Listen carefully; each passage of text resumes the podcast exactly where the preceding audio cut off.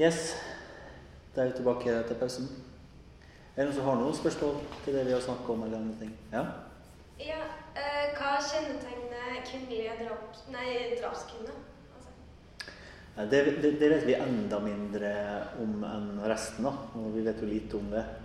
Eh, Så det vi det sånn generelt eh, eh, fra norske forhold, da, for å si det først, er at det skal mer til at eh, kvinner kommer i fengsel enn menn, selv for samme type ting. da. Eh, Så f.eks. hvis du og meg nå raner en bank da, eh, sammen, så vil jeg få lengre straff enn deg, sånn statistisk sett. Så det vil da si også at det- det skal ofte verre ting for kvinner til for å bli dømt. Så det er jo ikke alle som dreper noen som blir dømt for drap. ikke sant?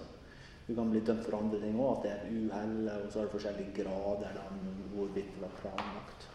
Så grovt sett vil jeg si at, det som, eh, at hos kvinner så er det mer knytta også rus, men ikke så mye. Og så er det sjalusi, og så generell ustabilitet og på en måte personlighetsforstyrrelse og sånne ting. Grovt sett, da. Men som sagt, vi vet egentlig veldig lite om det.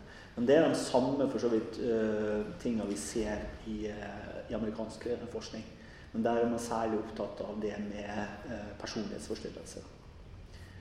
Så personlighetsforstyrrelse er jo, som navnet sier, en forstyrrelse i personligheten, som er en ganske sånn mm, ting som kan bli skada veldig tidlig, da, i ungdommen f.eks. Som gjør at man lett reagerer med sånn enten-eller, svart-hvitt, og er veldig lite fleksibel. At man på en måte bare kjører på med voldsomme ting. Da. Så det ligner jo mer på det som i, i, stad kalte affekt, altså følelsesstyrte reaksjoner. Men er det også litt jeg tenker på som en, eh, det er med personlighetsforstyrrelse, Forferdelige ord for øvrig. Men um, det dyssosiale, altså det, det er litt sånn empatiløse som også ligger Ja. der? Altså, øh, vi har elleve personlighetsforstyrrelser. Og den vanligste, som er den farligste for det feltet, her, er det som er for dyssosial. Mm. Altså, som viser, selv om noen kan være flinke til å få kontakt og være sjarmerende, og sånn, men den eh, bryr seg lite om andre sine følelser. Mm. Men i de andre personlighetsforstyrrelsene, f.eks. det som heter emosjonell ustabil personlighetsforstyrrelse, så er det mer empatisvikt, kaller vi det. Altså at de blir så opptatt av sine greier at de ikke evner å se andre. Men I psykologien så skiller vi mellom egoisme og egosentrisme. Så egosentrisme så er det bare du sjøl på en måte i midten, Mm. og du klarer ikke å ta andre sitt perspektiv. Egoister klarer å ta andre sitt perspektiv, men de driter i det. det sånn. Slik at alle personlighetsforstyrrelser gir egosentrisme i mer eller mindre grad. Altså at de ikke klarer så lett å ta andre sitt perspektiv. Mens dyssosial har nettopp den egoisme. Da. Og også det som heter narsissistisk personlighetsforstyrrelse. Men den bruker vanligvis ikke i, Norge. Det er en amerikansk diagnose. Så klart at de, de damene her behøver ikke ha dyssosial. De kan jo f.eks. ha en sånn emosjonell ustabil personlighetsforstyrrelse, eller kanskje en sånn engstelig eller passiv personlighetsforstyrrelse, som gjør at de da reagerer voldsomt når de på en måte blir veldig overmannet av at de føler seg f.eks. For forlatt eller eh, desperasjon, som vi sier. Flere spørsmål? Ja. Man tenker jo at uh, typiske norske drapsofre ofte er uh, kvinner som blir drept av mannen eller kjæresten sin, gjerne i affekt eller rus. Men så er det noen menn som blir drept av til også i Norge. Mm. Er det noen typiske situasjoner hvor det skjer, eller typiske mønster for det? Jeg er ikke helt sikker på det her, men jeg, jeg, jeg tror det er slik at den kombinasjonen med rus og personlighetsforstyrrelse som vi snakker om her nå, det er jo, eh, er jo nettopp i mer sånn ustabile miljøer, f.eks. rusmiljøet. Der du har da der folk ofte er desperate på jakten etter rus, kanskje er i en situasjon der de er kriminelle og har en kriminell livsførsel. Eh, Så jeg, jeg tror det, det vil være den klassiske eh, situasjonen.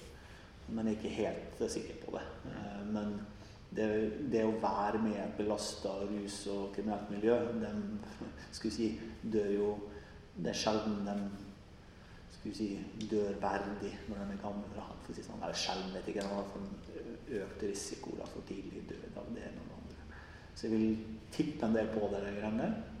Jeg tror nok det forsker enda mindre på drapsofre enn på drapsmenn. Så egentlig litt rart. Men, eh, men jeg, vil, jeg vil legge en tusenlapp på bordet og tippe på det. det er jo litt sånn at hovedregelen er jo at eh, det er menn som dreper menn. Eh, altså de fleste, Hvis du ser på antall drap, da, Mm. så, så er jo det eh, Som sagt, det er jo fallende, da. Eh, men men eh, eh, i Norge i hvert fall så vet vi ikke så veldig mye. Og, og som sagt, det, det forska på, var jo de siste 20 åra. Nå begynner denne rapporten å bli noen gammel også. Så dette her kan endre seg etter hvert som samfunnsutviklinga endrer seg. Ja, det var litt sånn som jeg nevnte eh, i stad med, med det her med at kvinner som dreper barna sine Mm. når de er uønska, da, uønska barn, har gått mye ned Ja. nettopp fordi at det ikke er så mange uønska barn ja. lenger. Så det er litt sånn snedig å se hvordan samfunnsstrukturen endrer på, Mm. på den sammensetninga der. Mm.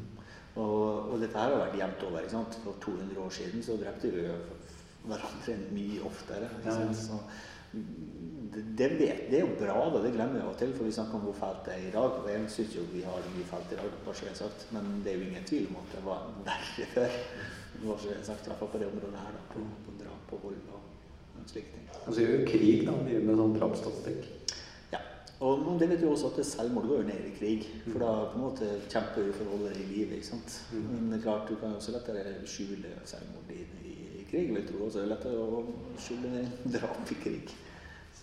Man vet ikke. Ja. Jeg har bare en refleksjon til det, det dere snakket om i stad, med barne, barnedrap. At det er, man ser at det ofte er kvinner som dreper barn. Ja. Men jeg tenker at det kan man jo også forstå bare ut fra det at det er kvinner som, som tradisjonelt sett har vært, og fortsatt til en stor grad er primær omsorgsgiver, og er den som er rundt barna Ja. eh, mest. da. Ja, ikke sant. Og så er det jo For det her kommer jo litt tilbake til det helt sånn grunnleggende kvinner jo investerer mye mer i barna, som du sier. ikke sant? En mann kan jo investere noen sekunder, og så forsvinner han. Og da er det jo på en måte ikke noen grunn til å Når barnet ikke er en belastning for mannen, så blir det heller ikke noe stort insentiv til å, til å drepe barnet. Men, men tilbake til det som jeg sa, som forskninga i Norge. eh, Det er faktisk et forskningsprosjekt som er planlagt på det her. da. Men det der med hvorfor er det slik at det er kvinner da eh, soner på lavere straffe. straffe? Og liksom hvorfor det er det. Og, det. og vi vet jo også at det er pene kvinner da, blir sjeldnere dømt til å sone kortere. Altså, Så det kan jo være noe med rent sånn fordommer, eller positive fordommer her. da. Uh, men det argumentet som ofte blir brukt når du ser begrunnelsene i domslutninga, er jo at kvinner har forsørgeransvar. Det er jo litt sånn gammeldags, da. For i dag så er det faktisk at du har delt samvær, og, eller deres omsorg og den type ting. Men, men allikevel, det ligger i hodet vårt fremdeles. Og det er vel ingen tvil om, vil jeg si, selv i dag, at de fleste vil si at er kvinner fremdeles har flest omsorgsoppgaver. Men det er nettopp en sånn ting som kunne vært artig å følge, følge med, da. Om det har en sammenheng, så kan vi jo se om det blir eh, endringer på den forventninga, om det vil avspeiles i endringer i drapsmønster eller balansen. For det handler jo også om hva som skjer i rettssalen og når dommen avsies, og hvordan Altså, dommerne er også mennesker. Ja da, og når du først begynner å sone i fengsel, så er jo eh, hvordan du oppfører deg i fengsel, vil påvirke på lengden.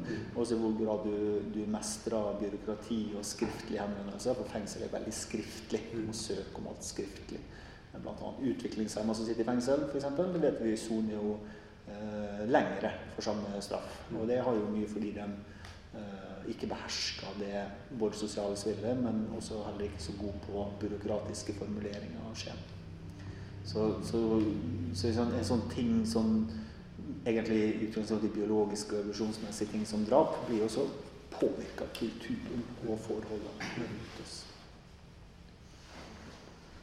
Ja. Ja, litt i forlengelse av det. Jeg lurte på om Man vet jo at kvinner som dreper sitt eget barn, ofte har andre barn også, som de har forsørgeransvar for. Har du noen tanker om hvorfor akkurat det barnet må bøte med livet? Um, jeg tenker jo i forhold til det med biologisk og om, altså om det er ditt eget barn og ikke. Altså man kan jo snakke om at man har et barn, men det er ikke en selv som har eh, skal vi si, født det. Mm. Og det er litt sånn på sida kanskje, men, men det med steforeldre eh, er jo en relativt mye større risiko da, for at det skal foregå et uh, barnedrap. Det vet vi i hvert fall fra amerikansk forskning. Da.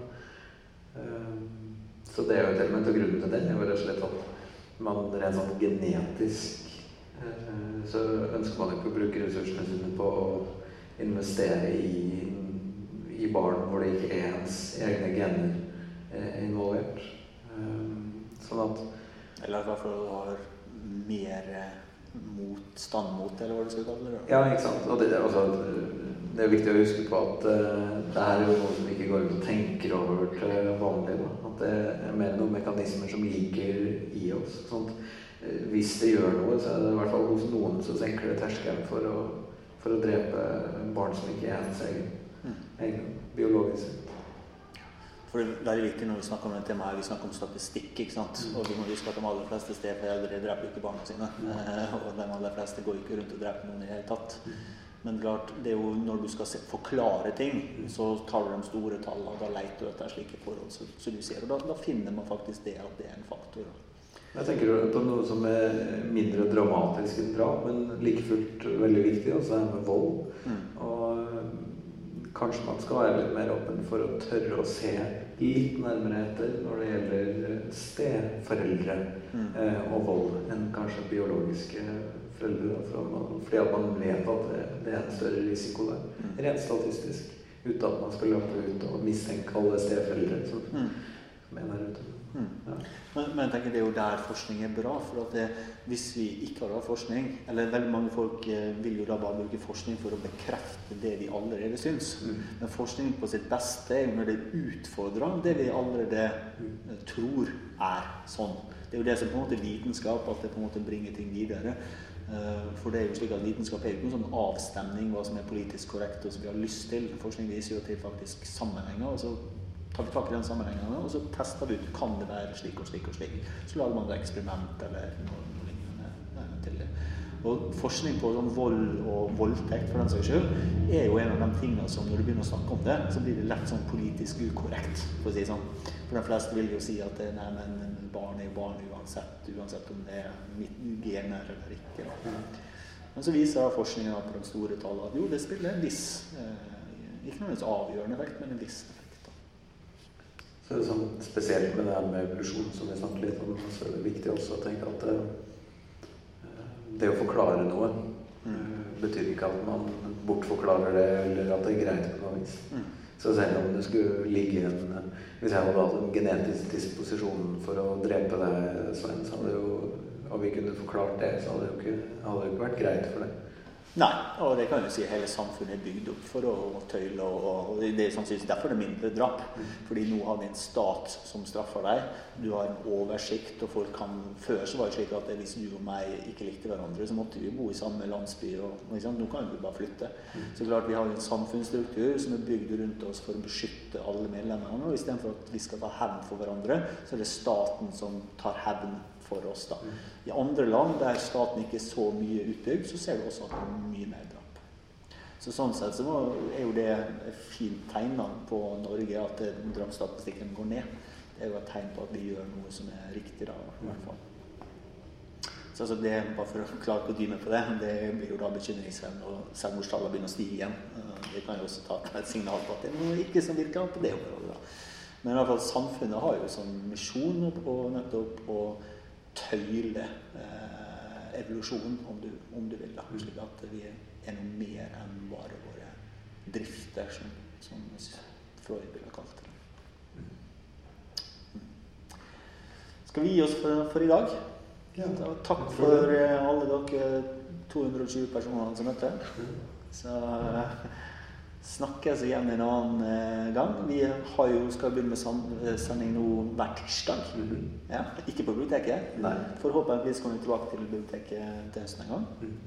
Men enn så videre så, så, kommer vi Vi vet ikke helt hvor vi Vi tar det på sparket hvor vi spiller inn på. Det kan være fra gata, fra, fra hvor som helst. Men eh, vi skal ha som mål at vi er på sånne små snutter på tirsdager klokka Seks. Takk skal dere ha, alle sammen.